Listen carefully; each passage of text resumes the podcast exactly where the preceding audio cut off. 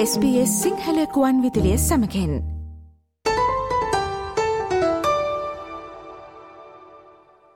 උද්ධමනය පාලනය කිරීමට ඔස්ට්‍රලියාවේ මධ්‍යම බැංකෝ විසින් පසුගිය මැයි මාසෙ සිට පොලි අනුපාතය පිටපෙට නම වතාවක් මේ වන විට හෙළ දැමීමක් සිදු කලා. ඒ සමගම පළමු නිවාස ගැනුම්කරුවෙක්ට ඒක බලපාන්නේ කොයියා කරනද කෙන කාරණය පසුගේ වැඩසටහනකින් අපි සාකච්ඡා කරනු ලැබවා. ඉතින් අද දවසේ SBS සිංහල ගවානුතුරින් අපි බලාපොරොත්තු වෙනවා මේ පොල්ලි අනුපාත ඉහළ දැමීම සමගම ඔස්ට්‍රලියාවේ දේපල වෙනදාම් ක්ෂේත්‍රය ඇතිවිලා තිබෙන වෙනස්කම් මොනවද. ඒ වගේම ඔබ නව දේපලකට ආයෝජනය කරන්නට බලාපොරොත්තුවෙන් ඉන්නවනම් ඔබ සැලකිලිමත් යුතු කරුණු කාරණා මොනවද කියන කාරණය සම්බන්ධව වැදගත් සාකච්ඡාවක් ඔබ වෙත ගෙනනට. අද දවසේ අපි මේ සාකච්ඡාවට සම්බන්ධ කරගන්නේ මෙල්බර්න් හි දේපල වෙළඳම් ක්ෂේත්‍රයේ නියෝජිතවරයෙක් ලෙස අත්දැකීම් බහුල සුජිත් කුරේ. අයිබෝන් කෙල පිළිගන්නවා සුජිත් ඔබව SBS සිංහල ගුවන් විදුලියට.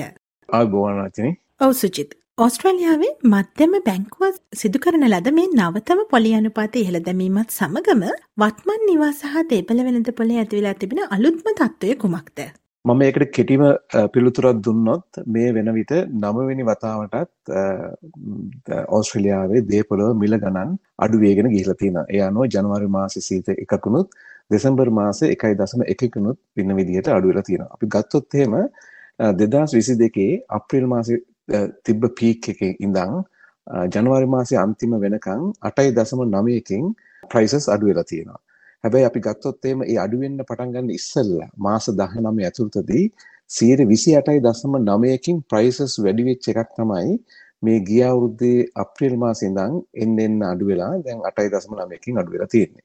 එතකොට දැන් මේ වෙනකොට අපි මුහුණ දෙන්න දීපල වෙළඳාම මිල ගණන් වල අඩුවීමක් තියෙනවා. හැබැයි මේ අඩුවීම එක එක පළාත්වලට එක එක විදිහට බලපාන්නේ. දැන් උදාහරණයක් හැටියට මේ මිල අඩුවීම වැඩිපුරම ඉෆෙක්ට් වෙලා නැහැ මේ රීජනල් ඒරියාස් වලට. ඉෆෙක්ට් වෙලා තියෙනවා. නමුත් ඒක අර සිටි එකේ මැද හරිය තියෙන අද උදාහරණයක් ගත්තොත් දැන් මෙල්බර්න් ගත්තොත් මෙල්බර්න් ළඟම තියෙන කිලෝමීටර් 5ක 10ක අතර තියෙන දේපල වලට අදටත් ඔක්ෂන් එකක් තිබුණොත් සැහෙන සෙනගක් එනවා. මොකද ඒවා ගන්න එන කට්ටිය ළඟ සල්ලි තියෙනවා. ඒගොල්ලන්ගේ earnings හොඳයි. ඒගොල්ලන් බිස්නස් කරන කට්ටිය වෙන්න පුළුවන්. ඒගොල්ලන්ට ඒව පර්චේස් කරන්න පුළුවන්. ඒ වගේම මේකේ lowest level එකේ ඉන්න කට්ටියටත් සෑහෙන දුරට මේකත් එක්ක යන්න පුළුවන්. හැබැයි අමාරුයි යන්න පුළුවන්. මේ ප්‍රශ්නේ ගොඩක්ම මේක බලපාන්නේ අපි ගත්තොත් එimhe මිල ඩොලර්ස් වලින් බැලුවොත් මිලියන 1යි මිලියන 2යි අතර වගේ මිල ගණන් වලට විකිනෙන දේපලවල අඩුවීමක් වැඩිපුර තියෙනවා කියන එක තමයි මගේ හැඟීම. ඔව් සුජිත් යම්කිසි කෙනෙක් මේ කාලෙදි නව නිවසකට හෝ දේපලකට ආයෝජනය කරන්න බලාපොරොත්තු වෙනවා නම් මේ දේපල වෙළඳාම් ක්ෂේත්‍රයේ ඇති වෙලා තිබෙන මේ නවතම තත්ත්වයක් සමගම ඔවුන් සැලකිලිමත් විය යුතු කරුණු මොනවද? දැන් මේ වගේ මේ වගේ බෙල ගණන් වැඩි වෙන හා අඩු වෙන කාලවල මේ සර්කල් එකක් මේක හැමතිස්සෙම එනවා යනවා. එතකොට මේ අඩු වෙන එක මේ අඩු වේගෙන යන එක එක වෙලාවකදී හිටපු ගමන් මේක ආයි වැඩි වෙන්න පටන් ගන්නවා. දැන් උදාහරණයක් හැටියට දැනට හරියටම මේ දත්ත නැති වුණත් පෙබරවාරි මාසෙදී අඩු වෙලා තියෙන්නේ දශම 1යි වගේ තමයි කියලා කියන්නේ. එතකොට දැන් එකට තිබුණ 101ක් වෙච්ච අඩුවීම දැන් පෙබරවාරි මාසෙදී දශම 1ක් වෙලා තියෙනවා. හැබැයි ඒකට මේ ඉන්ට්‍රස්ට් අඩු ඉන්ට්‍රස්ට් එහෙම අඩු වෙච්ච නිසා නෙවෙයි මොන හරි හේතුවක් නිසා මං හිතනවා පාරිභෝගික හිතනවා. මේ බයස්ලා හිතනවා දැන් මේක වැඩි වෙන්න ගන්න පුළුවන්. ඒකින්ද ඊට ඉස්සෙල්ලා අපි ගිහිල්ලා මේක ගන්න ඕනේ කියලා. ඉතින් මම දෙන මේ උත්තරේ තමයි මේකට.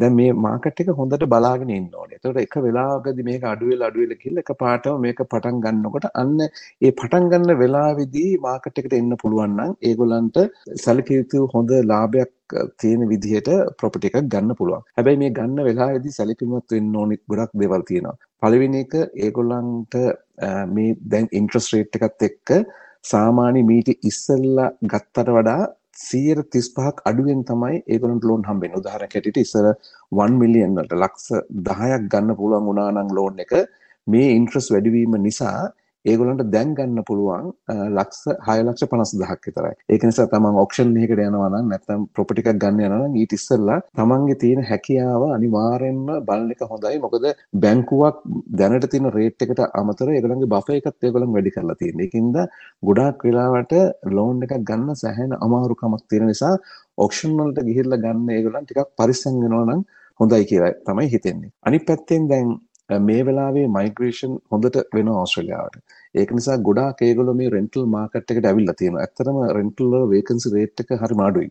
ඒක නිසා හැම රෙන්ටල් ප්‍රොපර්ටි එකකටම ලොකු ඩිමාන්ඩ් එකක් තියෙනවා. රෙන්ටල් ප්‍රොපර්ටි එකක් සතියකින් දෙකකින් ඒව මේ ගන්නවා ගොඩක් කට්ටිය. එතකොට උදාහරණයක් හැටියට දැන් ඩොලර් 400කට මීට ඉස්සෙල්ලා ඩොලර් 400ක් සතියකට ගෙවපු එක්කෙනෙක් දැනට මේ වෙලාවේ දැන් ඩොලර් 500 550 අතර ගාණක් ගෙවන්න. ඒ කියන්නේ මාසෙකට ඩොලර් 500ක 600ක වැඩිවීමක් ඇවිල්ලා තියෙන මේ ආයෝජනය කරන එකට. ඒක නිසා මේ වගේ ආයෝජනයට එන එක්කෙනෙක්ට ඒගොල්ලන්ගේ රෙන්ටල් ඉන්කම් එක සෑහෙන හොඳ තත්ත්වයක තියෙනවා. එතකොට මෙන්න මේ කරුණු අනුව තමන්ට හැකියාව තියෙනවා නම් තමන්ගේ ලෝන් එකක් අරගෙන මාකට් එකට එන්න පුළුවන් නම් හරියට මේක සර්ච් කරලා හොඳට බලලා ප්‍රොපර්ටි එකක් ගන්න හොඳ වෙලාවකුත් වෙන්න පුළුවන් ඉස්සරහා මාස දෙක තුන. ඔව් සුජිත් මේ උද්දමනය පාලනය කරන්න ඔස්ට්‍රේලියානු මධ්‍යම බැංකුව මගින් තවදුරටත් පොලි අනුපාතය ඉහළ දමනු ඇති බවට තමයි ආර්ථික විශේෂඥයන් පුරෝකථනය කරලා තියෙන්නේ. ඉතින් තවදුරටත් ඔස්ට්‍රේලියාවේ පොලි අනුපාතය වැඩි වුණොත් ඔස්ට්‍රේලියාවේ මේ නිවාස හා දේපල වෙළඳාම් ක්ෂේත්‍රයේ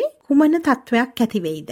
මේ ගැන අපි අවසාන වශයෙන් සාකච්ඡා කරමු. දැන් අපි ගත්තොත් එහෙම මේ මේ වෙනකන් 9 වෙනි වතාවටත් වැඩි කරලා තියෙනවා පෙබරවාරි මාසෙදී. දැන් ඊළඟ ඉන්ට්‍රස්ට් රේට් එක ගැන RBI එක කතා කරන්නේ මාර්තු මාසේ 7 වෙනිදා. මේ වෙනකන් වැඩි කරලා තියෙන 9 වතාවේදී ලක්ෂ 5ක ණයක් තිබුණ එක්කෙනෙක් වැඩිපුර ගෙවනවා ඩොර නමසී අටක් ඒකැනය අවුරුද්ධකට එකුළු සුදහක් වැඩිපුර ගෙවන මේ වෙනකට. ඒක දැන් ඊළඟ අදිස්සක තව පොයින්ට් වලින් වැඩි වුණොත් ඕක අනිවාර්යෙන්ම දොළොස් දහක් වෙන අවුරුද්ධකට වැඩිපුර ගෙවන අවුරුද්දට දොළොස් දහක් ඊළඟ ලක්ෂ හතාමාරක ලෝන් එකක් ගත්ත එක්කෙනෙක් දැනට මාසෙකට එක්දස් තුන්සේ හැට දෙකක් ඩොලස් වැඩිපුර ගෙවනවා. ඒකැන අවුරුද්ධකට දාසේ දස් තුන්සේ හතලිස් හතරක් වැඩිපුර ගෙවනවා. ඒක හදිසකත් ඊළඟක වැඩිවුණොත් මාර්තු මාසේදී මේ ඊළඟ වීක් එකේදී ඒක 18000ක් දක්වා වැඩි වෙනවා. එක පැත්තකින් මෙච්චර ලොකු ගාණ ඒක හිස් හියුජ් amount ඒ වගේ ගාණකින් වැඩි වෙනකොට අනිත් පැත්තෙන් ඉන්ෆ්ලේෂන් එක ඔය කියන විදිහට උද්දමයේ 7.4ක විතර තියෙන මිනිස්සු Tamanට අවශ්‍ය කරන භාණ්ඩ සේවා ගන්න සැහැණ ගමනක් ගෙවනවා. ඉතින් මේ වගේ ලොකු ප්‍රෙෂර් එක තමයි මේ මේ මාකට් එකේ ඉන්න බයස්ලා ඉන්නේ. හැබැයි ඒකේ තව පැත්තකුත් තියෙනවා. දැනට අපි දන්න හැටියට දැනට තියෙන ඕන් ඔකියුපයි කරන ප්‍රොපර්ටි මිනිස්සු ජීවත් වෙන uh, ප්‍රොපර්ටිස් වල තියෙන ලෝන් වලින් භාගයක් හරියටම 150ක කට්ටිය අවුරුද්දකට ඉන් ඇඩ්වාන්ස් පේ කරලා තියෙනවා. ඒ කියන්නේ වැඩිපුර සල්ලි ගෙවලා තියෙනවා ලෝන් එකට ගෙවන්න ඕන ප්‍රමාණය. ඒකින්ද ඒගොල්ලන්ගේ account එකේ available funds තියෙනවා. ඒ 100ට 3න් එකක් අවුරුදු දෙකකට වඩා වැඩි ප්‍රමාණයක් ගෙවලා තියෙනවා තමන්ගේ ලෝන් එකට. එතකොට මේ ප්‍රශ්නේ නිසා මේ වගේ සල්ලි ටිකක් තියෙන නිසා මේ ඉන්ට්‍රස්ට් රේට් වැඩි වෙන එකේ අර අර කියන කැටගරි අර වගේ සේවිංස් තිබ්බ කට්ටියට පොඩි chance එකක් තියෙනවා මේක තවදුරටත් කොහොම හරි හෝල් කරගෙන ඉන්න මේ මාකට් එකෙන් ප්‍රයිසස් ටික මේ ඉන්ට්‍රස්ට් රේට් එක අඩු වෙනකන්. හැබැයි 110ක් ඇත්තටම ඒගොල්ලන්ගේ කිසිම සේවින් එකක් නැහැ. මේ මේ 110 බොහොම අමාරු තත්යක ඉන්නේ. දැන් අපි තියෙන අපි දන්න දේ තමයි කවුරු හරි එක්කෙනෙක් Tamanට හම්බෙන ආදායමෙන් 130කට වඩා වැඩි ප්‍රමාණයක් ගෙවනවා නම් එයා ඉන්නේ මෝගි ස්ට්‍රෙස් එක යාට ණය ගෙවීමේ අමාරුකමක් තියෙනවා. ඒතර දැන්ට තියෙන පොලි අනුපාතත් එක්ක සැහැණ ප්‍රමාණයක් ඉන්නේ අන්න ඒ වගේ තත්ත්වයක. එතකොට දැන් මේගොල්ලන්ට එකම දේ කරන්න පුළුවන් දේ තමයි අර තමන්ගේ ළඟ තියෙන සේවින්ස් වලින් මේක තව පොඩි කාලයක් ඇදගෙන යන්න පුළුවන් ආපහු පාරක් RBI එකකින් මේ රේට්ස් අඩු කරලා එනකම්. අනිත් පැත්තෙන් ලොකුම අවදානම තමයි තියෙන්නේ මේ මාකට් එකට ලක්ෂ 8ක ප්‍රමාණයක් ලක්ෂ 8ක ණයගත්ත කට්ටියගේ ෆික්ස් රේට් එක ඉවර වෙනවා තව මාස කිහිපයකින්. එතකොට ඒක ඉවර වෙනකොට ඒගොල්ලන් සමහරට 2කට 3ට වගේ ඉන්ට්‍රස්ට් රේට් එක ෆික්ස් කරපු කට්ටිය ඒ වගේ ඩබල් දැන් ගෙවනවා කියලා කියන්නේ ඒගොල්ලන්ට සෑහෙන අමාරු කාලයක් යනවා. ඒතකොට දැන් ප්‍රශ්නේ තියෙන්නේ මෙන්න මේ කට්ටිය කොහොමද මේ කියන සිටුේෂන් එකට ෆේස් කරන්නේ. ඒතකොට මේගොල්ලන්ට මේක මේක ගෙවා ගන්න බැරි වුණොත් ඒගොල්ලෝ කරන්නේ මාකට් එකට තමන්ගේ ප්‍රොපර්ටි සෙල් කරන්න දාන එකට. ඒතකොට මාකට් එකේ සප්ලයි එක වැඩි වුණොත් නමුත් ඒ අනිත් පැත්තෙන් ඒක ගන්න කට්ටියට ලෝන් ගන්න ඉන්ට්‍රස්ට් රේට් එක වැඩි නිසා එච්චර ලෝන් ගන්න බැංකු වලින් ලෝන් දෙන්නේ නැත්නම් ඒ ඩිමාන්ඩ් එක අඩු වෙනවා. ඒකෙන් ප්‍රයිසස් ටික අඩු වෙනවා. දැන් මේ වගේ සිටුේෂන් එක තමයි ඕස්ට්‍රේලියාවේ ප්‍රොපර්ටි මාකට් එක තියෙන්නේ. අපිට තියෙන තවත් chance එකක් අර ගොඩක් මයිග්‍රේෂන් එන නිසා අපිට ඒ පැත්තෙන් ඉන්වෙස්ටර්ස්ලා Tamanට සල්ලි තියෙන කට්ටිය මේ මාකට් එකක් ඇක්ටිව් වෙනවා. මොකද ප්‍රොපර්ටි එකක් අරගෙන ඒගොල්ලන්ට රෙන්ට් එකට දීලා ඒගොල්ලන්ට හොඳ ආදායමක් ලබා ගන්න පුළුවන්. ඒකින්ද මෙන්න මේ වගේ හිතාගන්න බැරි සිටුේෂන් එකකට තමයි අපි දැන් මේ වෙලාවේ ඇවිල්ලා තියෙන්නේ. ඔව් ඔස්ට්‍රේලියාවේ පොලි අනුපාත ඉහළ දැමීමත් සමගම ඔස්ට්‍රේලියාවේ දේපළ වෙළඳාම් ක්ෂේත්‍රයේ ඇතිවී තිබෙන වෙනස්කම් මොනවද? ඒ වගේම ඔබ නව දේපළකට ආයෝජනය කරන්න බලාපොරොත්තු වෙන සිටින කෙනෙක් නම් ඒ ගැන ඔබ සැලකිලිමත් වේතු කරුණු කාරණා මොනවද? මේ පිළිබඳව තමයි අද දවසේ අප ඔබ වෙත වැදගත් සාකච්ඡාවක් රැගෙන ආවේ. මේ සාකච්ඡාවට SBS සිංහල ගුවන්විදුලිය සමග සම්බන්ධ වුණේ මෙල්බර්න්හි දේපළ වෙළඳාම් ක්ෂේත්‍රයේ නියෝජිතවරයෙක් ලෙස සේවය කරන සුජිත් කුරේ. ඉතින් සුජිත් ඔබට බෙහෙවින්ම ස්තුතිවන්ත වෙනවා මේ දැනුවත් කිරීමට SBS සිංහල ගුවන්විදුලිය සමග සම්බන්ධ වීම ගැන. බොහොම ස්තුතියි